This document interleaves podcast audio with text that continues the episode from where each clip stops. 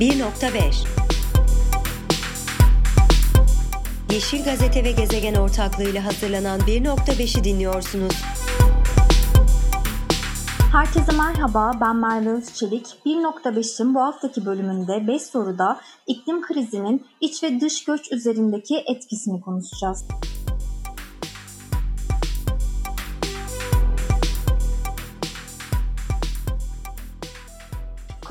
İstanbul Üniversitesi Siyasal Bilgiler Fakültesi Kentleşme ve Çevre Sorunları Anabilim Dalında görevli. Hala da iklim değişikliği ve insan hakları alanında çalışmalarına devam eden Doktor Seda Yurtcanlı Duymaz. Seda Hanım hoş geldiniz. Merhabalar Merve Hanım, hoş bulduk. Merhabalar. İnsan kaynaklı iklim krizinin etkileri, yakıcı etkileri tüm hızıyla devam ederken bu krizin yarattığı sağlık sorunları, temiz suya erişim zorluğu, gıda krizi gibi nedenlerle de insanlar yaşadıkları yerleri terk etme riskiyle aslında karşı karşıya. Bu noktada size şunu sormak istiyorum. İklim krizi ve göç ilişkisini biraz açar mısınız? Şu anda iç ve dış göç yaşanıyor mu iklim krizinden dolayı? Ee, bu konuda dünyada neler olup bitiyor? Ee, aslında evet olmayan bir meseleyi tartışmıyoruz ne yazık ki. E, IPCC daha 1990 yılında yani küresel iklim rejiminin tesisinden iki sene önce iklim krizinin en yıkıcı ağır sonucunun milyonlarca insanı yerinden edebilecek göç hareketleri olabileceğini söylemiş uluslararası topluma ve bu konuda insanlığı uyarmış. Ve bugün 1990'dan günümüze artan iklimsel felaketler başta olmak üzere biraz önce bahsetmiş olduğunuz yaşamsal temel kaynaklar olan temiz suya, besleyici gıdaya erişimde yaşanan sıkıntılar e, ve bu sıkıntıların tetiklediği silahlı çatışmalar e, afet riskleriyle birlikte e, gerçekten milyonlarca insanı yaşam alanlarını terk etmeye mecbur bırakıyor. Ciddi bir hayatta kalma kaygısını tetikliyor. Hatta bu gerçekliği biraz e, rakamlarla da somutlaştırmak gerekirse Mesela e, 2008 ile 2020 yılları arasında 400 milyondan fazla insanın evini terk etmek zorunda kaldığını afetler bağlamında e, ve bu afetler arasında da iklimsel felaketlerin bu göç hareketinde e, yüzde 90'ı aşan bir orana sahip olduğunu görüyoruz. Tabii burada şunu da vurgulamak gerekir. Sadece hani afetler e, açısından yaptığımız bu 400 milyondan fazla insan diyoruz ama e, iklim krizinin işte suda, gıdada, yaşamsal temel ihtiyaçların karşılanmasında yarattığı olumsuz sonuçların tetiklediği silahlı çatışmaları da buraya eklersek aslında günümüzdeki zorunlu göç hareketinin belki de %95'i daha fazlasının aslında temelinde iklim krizi olduğunu görebiliriz.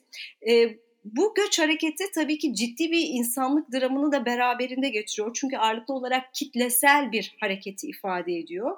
Mesela bu biraz önce verdiğim rakamlarda gerçekleşen göçlerin %30'undan fazlası 3 milyondan fazla kişinin bir anda göç etmesi gibi mega olaylar dediğimiz olaylara dayanıyor. Ee, bu göç hareketi ağırlıklı olarak biraz önce de bahsettiğiniz gibi iç göç, iç göç olarak e, somutlaşıyor. Yani insanlar bulundukları ülkede başka bir yere doğru göç etme eğilimi içerisindeler. Ama tabii ki özellikle deniz seviyesinin yükselmesine bağlı e, ulusal devletlerdeki toprakların kaybolması, sular altında kalması, fiilen yok olması sebepleri başta olmak üzere e, ya da işte buzulların erimesinden kaynaklı olarak özellikle Güney Asya coğrafyasındaki kalabalık delt e, alanlara ev sahipliği yapan delta alanlarında sürekli taşkınların yaşanma riskini göz önünde bulundurursak yavaş yavaş dış göçlerinde daha sistematik hale gelebileceğini söyleyebiliriz. Hala hazırda işte ani felaketler nedeniyle dediğim gibi yaşanıyor. Özellikle seller ve taşkınlar başta olmak üzere silahlı çatışmalar ve de yavaş yavaş ada halkları da e, bireysel e, uyum kabiliyetleri çerçevesinde çeşitli göç yollarını deneyerek kendilerine işte çeşitli hukuki statüler e, bulma gayretinde e, olduklarını söyleyebilirim. Peki uluslararası düzeyde iklim krizi nedeniyle yerlerinden olan insanlara iklim mülteciliği statüsü veriliyor mu? Bu konuda yapılan uluslararası çalışmalar var mı? E, iklim mülteciliği statüsüne dair e, çok canlı bir örneğimiz var. Biraz önce tam da ada halklarında e, bırakmıştım. Oradan devam edelim. Kiribati adasından Ione Teyota diye bir e, beyefendi e, Kiribati Adası tabii ki sular altında kalma riski e, ile yüz yüze olan bir e, ada devleti ve Ione Teyota'da süreç içerisinde yaşamsal koşullarının daha da kötüye gideceğinin bilincinde ve farkında olarak e, ülkesinin hükümetinin bu sorunla mücadele kabiliyetinin yeterli olmadığı inancıyla Yeni Zelanda'ya e, sığınma başvurusunda bulunuyor, gidiyor ve beni iklim mültecisi olarak kabul edin diyor. E, iklim mülteciliği kavramının işte hukuksal boyutta tartışması da aslında bu başvuruyla başlıyor 2012 yılında. Ama Yeni Zelanda'daki gerek idari makamlar gerekse yargı makamları ta temiz mahkemesine kadar gidiyor süreç. Ne yazık ki bu başvuruyu kabul etmiyor. Ee, şöyle de bir aralık kapı bırakıyor ama hani gelecekte iklimsel felaketlerin ne boyuta ulaşabileceği, devletlerin bu felaketlerle e, baş edebilmek kapasitesinin ne kadar geriye gideceğini şu an için öngöremiyoruz. E, dolayısıyla hani bu koşullar, bu kararlar değişebilir belki ama şu an için İONE Toyota'ya bir iklim mültecisi diyemeyiz diyor. Ee, İnsan Hakları Komitesi'ne gidiyor İONE Toyota'da ve geçtiğimiz sene e, İnsan Hakları Komitesi e, Kiribati hükümetinin uyum çabası içinde olduğu gerçeğini göz önünde bulundurarak ve Ione Toyota'nın adasında hali hazırda adasına döndüğünde yaşam hakkına ilişkin e, hali hazırda ciddi, gerçek ve yakın bir tehdit olmadığı vurgusunu yaparak e, mültecilik e, statüsünü e, iklimsel felaketler ekseninde bir ada e, yerlisi için uygulanamayacağını ama tıpkı temiz mahkemesindeki gibi bu kapının da gelecek için açık olabileceğini söylüyor. E, şimdi e, iklim mülteciliği konusunda yaşanan bu tartışma tabii önemli, kıymetli olmakla birlikte hali hazırdaki mültecilik statüsünün e, sınırlılıkları e, ne yazık ki bu kişilerin iklim mültecisi olarak e, tanımlanmasında ciddi bir engel. E, mültecilik statüsünü e, bize e, kapsamını belirten 51 Cenevre Sözleşmesi çok net sınırlar koymuş. İçerisinde çevresel sorunları e, belirtmemiş, e, felaketleri, iklim krizini haklı bir zulüm korkusu olarak saymamış. E, öte yandan devletlerin de zaten hali hazırda giderek sınır güvenliği ve ülkelerinin içerisindeki uyum kapsamlı bu sözleşmeyi yorumlama eğilimi e, hani günümüzde e, yakın gelecek için en azından e, mültecilik statüsünün iklim değişikliği ve tetikleyeceği felaketler bağlamında çok da e, kapsamının geliştirilmesi yönünde devletlerin e, aksiyon almayacağı izlenimini veriyor. Hatta şöyle de vurucu da bir örnek vereyim ben size. E, Çernobil felaketinin yaşanmasından kısa bir zaman önce Danimarka'da çevre mülteciliği statüsü tartışılıyor ve e, orada acaba biz çevresel felaketler nedeniyle sınırlarımıza gelen e, göç dalgalarını e, kabul edip bu kişileri çevre mültecisi diye adlandırabilir miyiz diye soruyorlar birbirlerine ve Çernobil felaketi olduktan sonra e, Danimarka'ya doğru göç eden e, Ukraynalı vatandaşların hiçbirisi ülkeye kabul edilmiyor. Dolayısıyla hani yakın gelecekte bu tartışmalar yaşanabilir. E, belki ülke içi e, makamlarda ama iş e, uygulamaya geldiğinde, gerçekle yüzleşildiğinde gördüğünüz gibi Danimarka örneğinde olduğu gibi devletlerin refleksleri çok daha ülke sınırlarını koruyacak şekilde e, somutlaşıyor. Peki bir çözüm aranıyor mu uluslararası arenada? Elbette aranıyor ama bu çözüm daha ziyade hali hazırda akademik platformlarda e, karşılaştığımız bir çözüm arayışı şeklinde şu an e, kendisini gösteriyor. E, mesela kimileri diyor ki küresel iklim rejimi hali hazırda 92'den beri var ve madem afetler bağlamında iklimsel felaketler daha sistematik ve e, yoğun bir göç hareketine sebep oluyor. O zaman iklim rejimi çerçevesinde biz bu konuyu alalım ve bu rejimi bir protokol e, daha ekleyelim yahut işte rejimin anlaşmalarına bir madde ekleyelim ve bu kişiler için bir güvence sağlayalım diye çözüm önerileri getirenler var. Bir tarafta ise e, bunu sadece e, iklim perspektifiyle sınırlandırmanın doğru olmadığı e, genel anlamda afetler bağlamında bu işe çözüm getirelim e, diyenler var. Burada da gene kendi içinde ikiye ayrılan bir çözüm e, süreci var. E, daha doğrusu önerileri var. Bir grup diyor ki mültecilik sözleşmesinin kapsamını genişletelim. Bir grupta diyor ki e, tamamen yeni bir sözleşme aktedelim. Genel bütün afetleri kapsayacak bir şekilde. Ben açıkçası daha bu yönde e, tercihimi kullanıyorum. Yani genel anlamda afetlerden kaynaklı e, göç hareketlerini e, kapsayan ve ister bir deprem nedeniyle olsun, ister bir iklimsel felaket nedeniyle olsun, yaşam alanlarını terk etmek zorunda kalanların elverişli ve yeterli bir korumadan faydalanabilmelerini sağlayacak yeni ayrı bir hukuki rejim e, tesis e, edebiliriz diye düşünüyorum. E, benim de e, açıkçası çözüm önerim bu çerçevede. İklim krizi nedeniyle peki e, göç etmek zorunda kalan insanların haklarından bahsedebilir miyiz? Yani elbette bahsedebiliriz. Hatta bir hak değil, çok geniş bir hak yelpazesinden bahsedebiliriz. Çünkü bu kriz cidden e, varoluşsal bir tehdit. Yani yok oluş çağına bizi götüren bir tehditten bahsediyoruz. Dolayısıyla varoluşsal bir tehdit deyince tabii ki en başta yaşam hakkımız e, gündeme geliyor.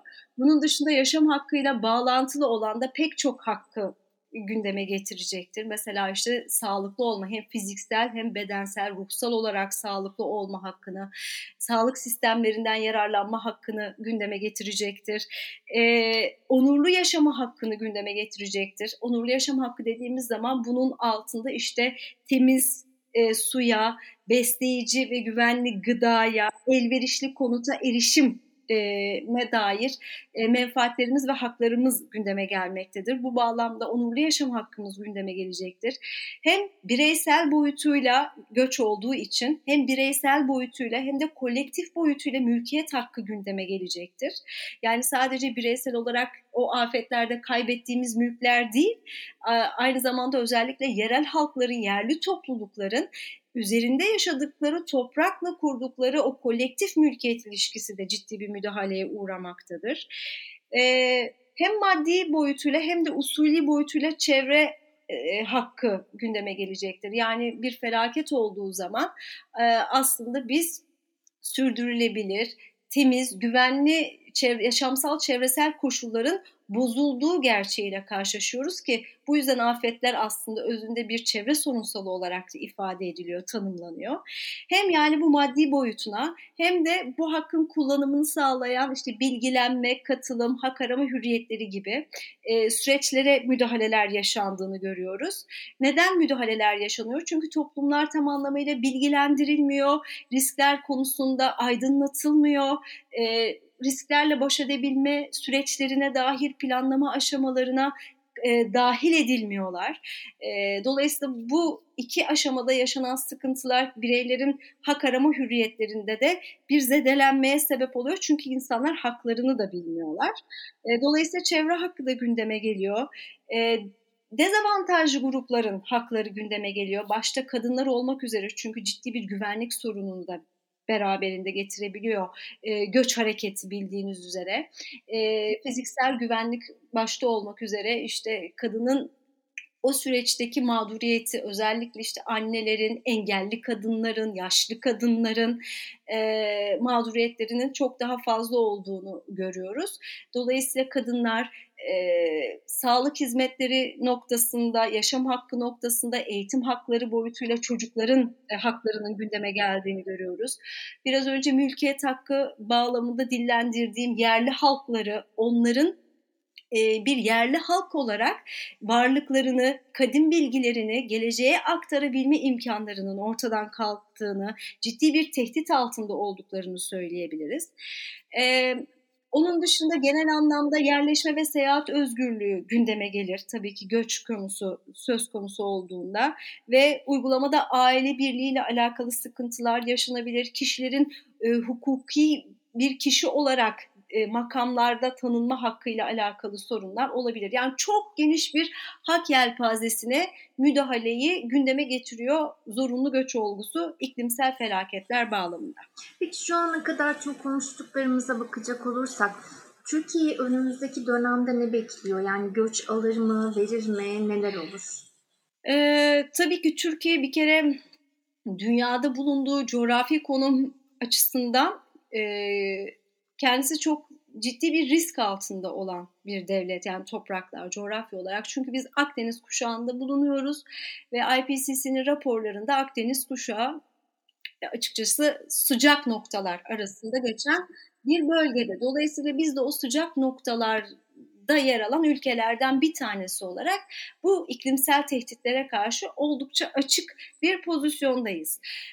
dolayısıyla kendi içimizde tabii ki iç göçler yaşama ihtimalimiz, riskimiz daha doğrusu oldukça fazla. Bir kere deniz seviyesinin yükselme tehlikesi bizim için ciddi bir tehdit. Çünkü üç tarafımız denizlerle çevrili ve deniz kenarlarında yoğun bir nüfusla karşılaşıyoruz açıkçası. Onun dışında kuraklık riskinin gerek su kaynaklarımıza gerekse tarımsal faaliyetlerimize yönelik ciddi etkileri olabilir ki olduğu da bir gerçek hali hazırda da yaşıyoruz bunu. Ee, onun dışında orman yangınları, e, iklimsel felaketler açısından giderek daha e, gündemimize oturan felaketler içerisinde, e, içerisinde yer alıyor. Başlı orman yangınları. Ki geçtiğimiz yaz, unut hatırlayacaksınız Marmaris'te, Antalya'da oldu ve Marmaris'te insanlar evlerinden tahliye edildiler. İşte bu bir zorunlu göçtür. İnsanlar yangın alanındaki evlerinden hayatta kalma kaygısıyla tahliye edildiler. Bu bir zorunlu göçün örneğidir mesela. Yahut e, İstanbul'da, Ankara'da bu sene e, kış e, mevsimini gerçekten hani bu coğrafyalarda güzel yaşadık. Bol kar yağışı aldık, yağmur aldık, barajlarımız doldu. Ama geçtiğimiz ilkbaharı lütfen unutmayalım. Barajların doluluk oranı çok ciddi azaldı. İstanbul'da baraj doluluk oranı yüzde dörde beşe inseydi sizce İstanbul'da birileri kalır mıydı? Hayır, her bir sürü kişi göç edecekti. Dolayısıyla göç Türkiye açısından kendi iç göç dinamiğinde çok ciddi bir risk faktörü. Ee, ama Türkiye'den dışarıya göç olur mu derseniz afetler ekseninde Türkiye'den dışarıya bir zorunlu göç dalgası olmaz. Çünkü Türkiye e, e, riskli bir coğrafyada olmakla birlikte hani üstesinden gelebilir bir uyum kapasitesi gösterebilir yahut felaketlerle mücadelede bir e, kendi vatandaşlarını yahut bu coğrafyada yaşayan insanları gene güvenli bir şekilde bu coğrafyada tutabilecek e, önlemleri alabilir. Dolayısıyla bir felaket boyutuyla düşünürsek Türkiye'den dışarıya yaşanacak bir göç zorunlu bir göç değil de daha isteğe bağlı bir göç olarak sınıflandırılma imkan ihtimalini daha çok barındırıyor. Ama Türkiye'ye tabii ki dışarıdan zorunlu olarak göç eden insanlar olabilir. Çünkü e, her ne kadar işte sıcak noktada bulunsak da biraz önce söylediğim gibi Türkiye gene de o felaketlerle mücadele noktasında kapasiteye sahip yani o insanları bu coğrafyada tutabilme kapasitesine sahip o kadar e, sorunlu bir e, durumu olduğunu düşünmüyorum. Hani bizlerin buradan tamamen terk edecek koşulların oluşacağını düşünmüyorum e, ne yaparız? Burada yaşamayız da başka bir şehirde yaşarız, başka bir bölgede yaşarız ama gene bu topraklarda yaşayabiliriz. Dolayısıyla dışarıda daha büyük krizler yaşayan insanlar için Türkiye gene de bir çekim merkezi. Nitekim bu Suriye e, krizinde e, yapılan araştırmalarda biz bunu bir silahlı çatışma bağlamında hep dillendiriyoruz ama silahlı çatışmanın da aslında geçmişinde 3 yıl süren ciddi bir kuraklık meselesi olduğuyla karşılaşırsak işte gene iklim krizinin tetiklediği silahlı bir çatışmanın e, Türkiye'ye doğru göçü tetiklemesi olarak da yorumlayabiliriz. Dolayısıyla Türkiye göç alır, Türkiye dışarıya bence zorunlu olarak göç kolay kolay vermez ama ciddi bir iç göç e, yaşayabilir. Ama şurada da tabii şunun da bir altını çizip belki parantezde belirtmek gerekir. Umarız öyle bir şeyler olmaz ama Sonuçta yaşamsal kaynaklar kıt ve bu kaynaklar üzerinde rekabet arttığı zaman silahlı çatışmalar ortaya çıkıyor. Türkiye'de umarız ki böyle bir çatışma ortamını yaşanacak krizler yaşanmaz. Umarız e, yetkili makamlar öncesinde böyle risklerin olabileceğini öngörür ve daha şimdiden önlemlerini alır. Ama olur da bu coğrafyalarda da e, iklim krizi bir çatışmayı tetiklerse işte o zaman zorunlu göç belki ülke dışına da gündeme gelebilir. Seda Hanım son olarak gerçi biraz değindiniz ama toparlarsak iklim krizi ve göç konusunda e, bu konuda çözüm politikaları ile ilgili neler söylersiniz öncelikli olarak? Ee, şimdi bu konudaki çözüm e, politikalarının iki ayrı ayağı var Merve Hanım. Benim tespitim gördüğüm. Birincisi bizim öncelikle e, iklimsel felaketleri durdurabilir olmamız gerekiyor. Çünkü bu felaketler giderek daha ağır bir bilançoyla daha sık, daha şiddetli ve daha yaygın olma eğiliminde. Yani e, istatistiksel verilere baktığımız zaman yaşanan felaketlerin sayısı ve bilançosu her geçen sene katlanıyor. Geçen seneye göre daha da artıyor. Dolayısıyla bizim öncelikli amacımız bu göç hareketini durdurabilmek olmalı. Dolayısıyla bu felaketleri önüne geçebilmek olmalı. Şimdi işin ilk boyutu burada karşımıza çıkıyor. Bu boyutu e, daha zor aslında mücadelede daha zor bir boyutuna tekabül ediyor. Hem uluslararası arenada hem de ulusal arenada. Çünkü bu işin bu boyutu uluslararası perspektifte bize hakkaniyete dayalı, sürdürülebilir, temiz, güvenilir bir çevre hakkının küresel ve bağlayıcı bir şekilde kabul edilmesini gerektiriyor. Ee, neden diye soracak olursanız Bizim hali hazırda uluslararası düzlemde böyle bir çevre hakkı tanımımız yok. Evet çevre hakkını tanıyoruz. Bir ifademiz var ama küresel devletleri bağlayan e, bir e, yaptırım gücü olan bir düzenleme olarak değil. E, orada bir ilke olarak, bir durum olarak her an başvurulabilecek bir hak tanımı olarak duruyor ama devletleri küre, bağlamıyor, bir müeyyideyle sınırlandırmıyor. E, böyle olmadığı için de biz e, müeyyidelerle kuvvetlendirilmiş haklar ekseninde çevre alanındaki mücadelemizi veriyoruz. Ama işte bu da çevre söz konusu olduğunda hele iklim krizi gibi pek çok e, insanı potansiyel mağdur kümesinin çok geniş olduğu bir e, felaket ortamı karşısında ne yazık ki insan hakları alanının da sınırlılıklarıyla karşılaşmamıza sebep oluyor. E, biz her ne kadar müeyyidelerle güçlendirilmiş haklarımız ekseninde iklim kriziyle mücadele etmeye çalışsak da insan hakları hukuku ne yazık ki önleyici bir karaktere sahip değil, giderici bir karaktere sahip. Yani siz bir felaket yaşanıyor, zarar görüyorsunuz ancak ondan sonra mekanizmaları işletebiliyorsunuz.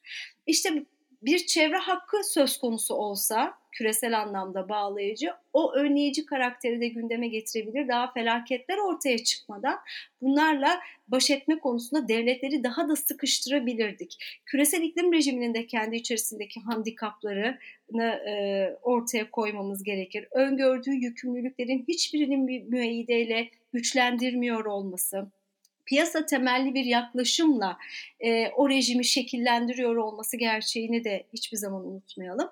Dolayısıyla bu meseleyle mücadelenin ilk ayağı hakikaten çevreye ilişkin bir hakkın küresel anlamda tesisi.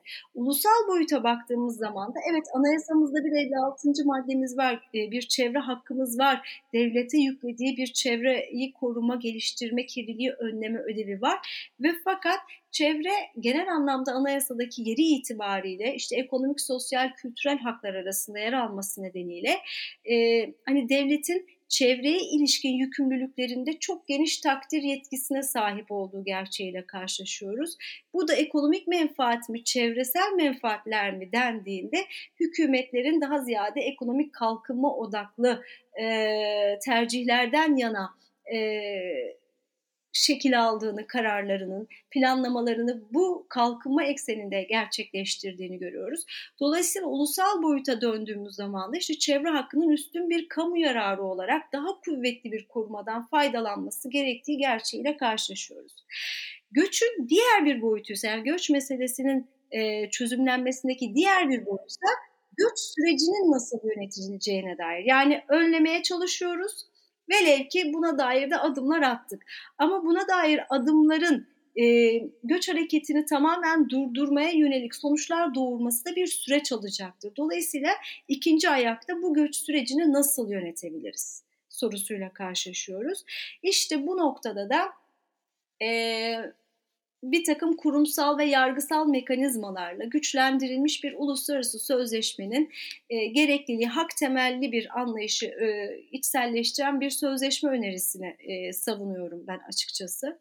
E, yani göç hareketinden önce bilgilenmiş e, ve riskler konusunda aydınlatılmış insanlar e, ve göç riskiyle nasıl mücadele edileceğine dair planlama aşamasına katılım haklarının tanındığı bir göç öncesi süreç. E, göç sürecinde işte biraz önce bahsettiğimiz o hak yelpazesindeki hakların güvence altına alındığı bir e, süreci ve iyileşme aşamasında da işte gönüllü geri dönüşü sağlayacak e, çeşitli güvenceler e, içerecek bir mekanizmanın oluşturulması uluslararası boyutta ve bu uluslararası kabulleri iç hukuklarda da içselleştirilmesine yönelik e, çalışmaların e, olduğunu söyleyebilirim. E, şimdi bizim açımızdan e, ha şöyle tabii bir ayrıma da gideyim. E, mesela burada biz e, bir hem dış göç meselesinden bahsediyoruz hem iç göç meselesinden bahsediyoruz. Dolayısıyla dış göç açısından işte yabancılar adına ayrı bir mesela benim iklim mültecisi kavramını işte çeşitli sebeplerle ben açıkçası eleştiriyorum, e, kabul etmiyorum. Onların yerine, onun yerine çevresel nedenle yerlerinden olanlar olarak kavramsallaştırıyorum.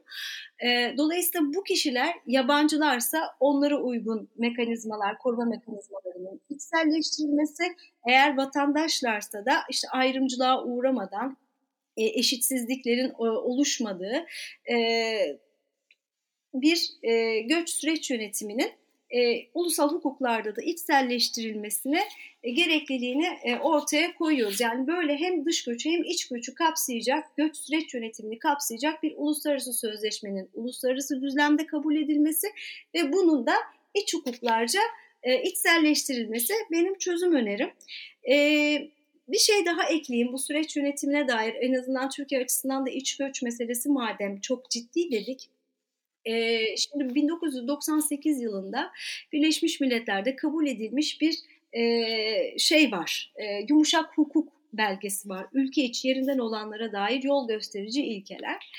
E, ki bizim e, Türkiye'deki hükümetlerimiz de geçmiş hükümetlerde de 2000'li yılların ortalarında e, bu ilkeleri içselleştirme noktasında Birleşmiş Milletler'e yapılmış bir beyan var. E, dolayısıyla biz ben e, ve e, İstanbul Üniversitesi'nden e, diğer hocalarımla birlikte aslında tam da bu konuyu yani göç, afet ve göç meselesi acaba hak temelli nasıl Türkiye'de iyi bir şekilde yönetilebilir, kurumsal olarak bu mesele nasıl içselleştirilebilir kaygısıyla e, İstanbul'da beklenen deprem eksenli bir TÜBİTAK projesine başladık. Geçtiğimiz Aralık ayının başında.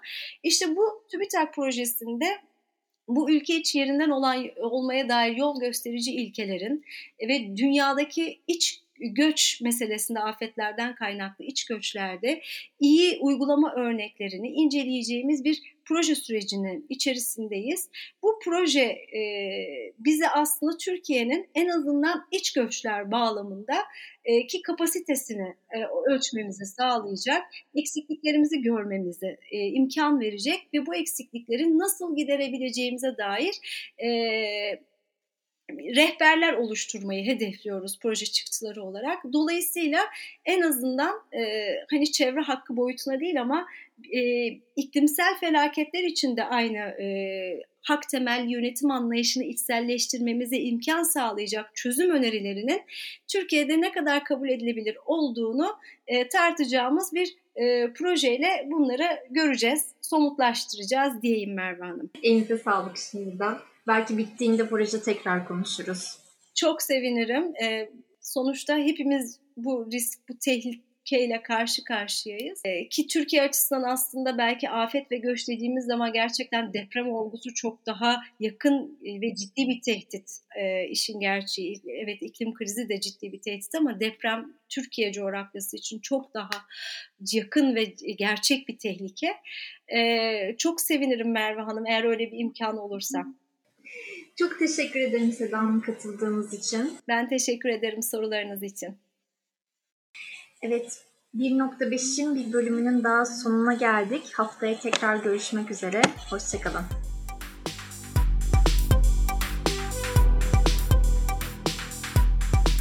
Podfresh teknik altyapısıyla hazırlanan 1.5'i dinlediniz.